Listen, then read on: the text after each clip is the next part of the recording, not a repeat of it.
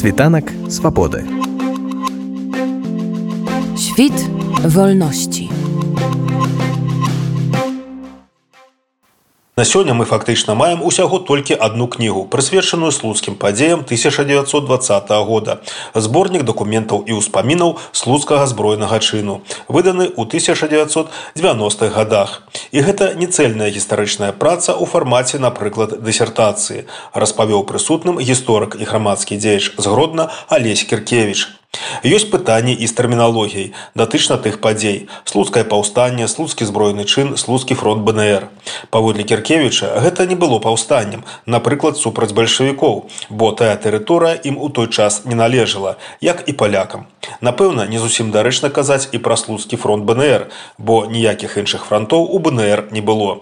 Таму верагодна лепей карыстацца тэрмінам слуцкі збройны чын як адзінай вайсковай акцыі беларускай народнай рэспублікі на тэрыторыі беларусі закончылася яна няўдала сыходам беларускіх ваяроў пад ціскам бальшавікоў на польскую тэрыторыю дзе яны былі абяззброены і інтэрнаваны Наколькі важны той эпізод узброенага беларускага змагання, які ўклаўся па сутнасці ў адзін месяц 1920 года за сваю зямлю і сваю ўладу на ёй для нас цяперашніх беларусаў, жывучых як у міграцыі, так і на радзіме. З гэтым пытаннем я звярнуўся да Алеся Кіркевіча. Я думаю, нам важна і шанаваць і ведаць і галоўна самае галоўнае ўсё ж такі разумець, што там адбылося.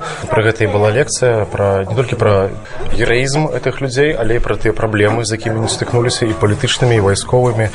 Таму вось ушаноўваючы памяць трэба ведаць і пра гэтыя памылкі. Галоўныя памылкі што беларусы паміж сабой не дамовіліся і не змаглі мажліва до конца рэалістычна паглядзець на сітуацыю.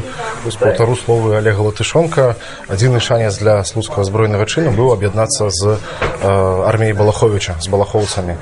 І тады нешта магло б быць. Але так не адбылося. Праз тое што беларусы традыцыйна вырашалі хто галоўны з кім яны згодныя з кім яны не не згодныя і мажліва это для нас хороший урок для нас сённяшніх гэта паўстанне як я оно называлася раней ці збройны чын які нас як называется сёння. Наколькі у гістарычных матэрыялах падручніках па гісторыі даведніках так далей яно но адлюстроўваецца поўна ці не поўна штосьці можа замаўчваецца у гэты час. Разумею што ў савецкія часы не надавалася той увагі якая пасля ўжо калі Беларусь стала незалежнай. А, а цяпер?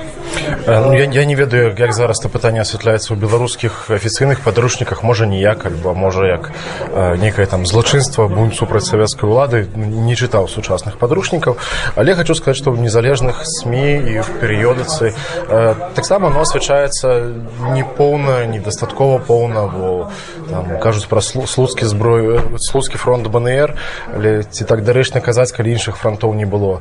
Э, калі кажуць пра гераізм не кажуць чаму уласна все скончылася менавіта так. Ну мне здаецца что это пытанне найперш для прафесійных гісторыкаў каб про это пытанне даследаваць каб пісаць потому что прынамсі на тэрыторыі свабоднага свету свабоднай Еўропы мы можемм гэтым займацца нават ну в тых межах якіх можам.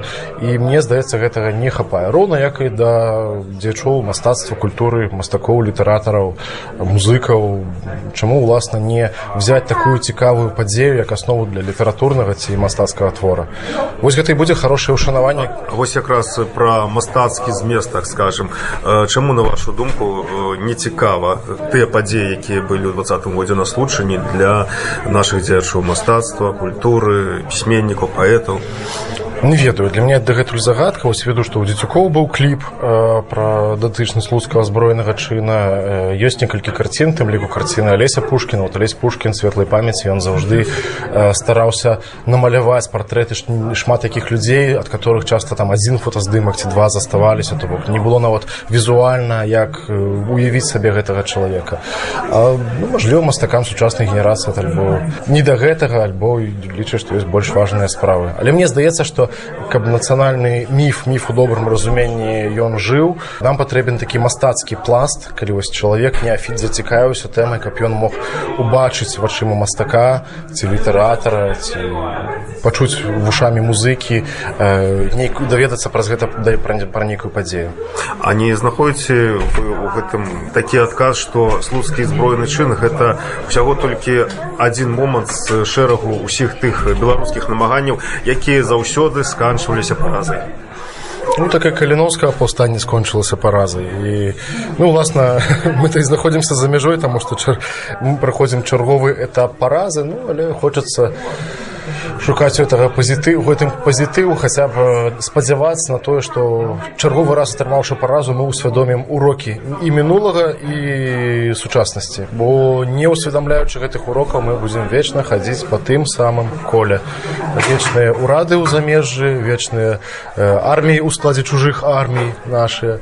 І вечная рэпрэсія Э, Нейкія паралелі можна правесці паміж сённяшнім часам і э, двадцатым годам і слуцкім паўстаннем. Да, безумоўна можна. У тая сітуацыя, калі ўрад знаходзіцца за мяжой, ёсць некае зброенае падраздзяленне, якое ваюе далёка-далёка і з аднаго боку прызнае гэты ўрад, з іншага боку іх складаныя адносіны і гэты ўрад, не маючы рэальных там фінансавых ресурсаў ці адміністратыўных нічым не можа этому войску дапамагчы, хтосьці з урадоўцаў даведаецца даведваецца з газет наогул пра тое, што там адбываецца на фронте. Ну вось такі вот такая вот сітуацыя трагічная разрыву, она на жаль дае шмат э, глебы, каб падумаць над этими параллелями. І калі ўлічваць што прайшло 100 гадоў гэта гучыць ну так сабе. Калі пра 100 гадоў людзі нацыя ходзяць по тым самым коле. Ваш рэцэпт, каб пазбегнуць таго, што было 100 гадоў таму у наш час. 100 гадоў таму палітыкі не зразумелі што самае галоўнае в сітуацыі вайны калі все ваююць з усімі гэта падтрымка войска. Я не ведаю ці зараз палітыкі гэта разумеюць. Мне б хацелася каб, каб все ж таки разумелі таму што інакш все будзе сканчацца як заўсёды паразай Пасля лекцыі адбыўся квіз. Жадаючы маглі адказаць на пытанні датычныя падзей, звязаных са слуцкім збройным чынам. Тыя трое чалавек, якія першыя адказалі на прапанаваныя пытанні, атрымалі кубкі з выявай сцяга слуцкіх ваяроў. Світанак свабоды. Świt wolności.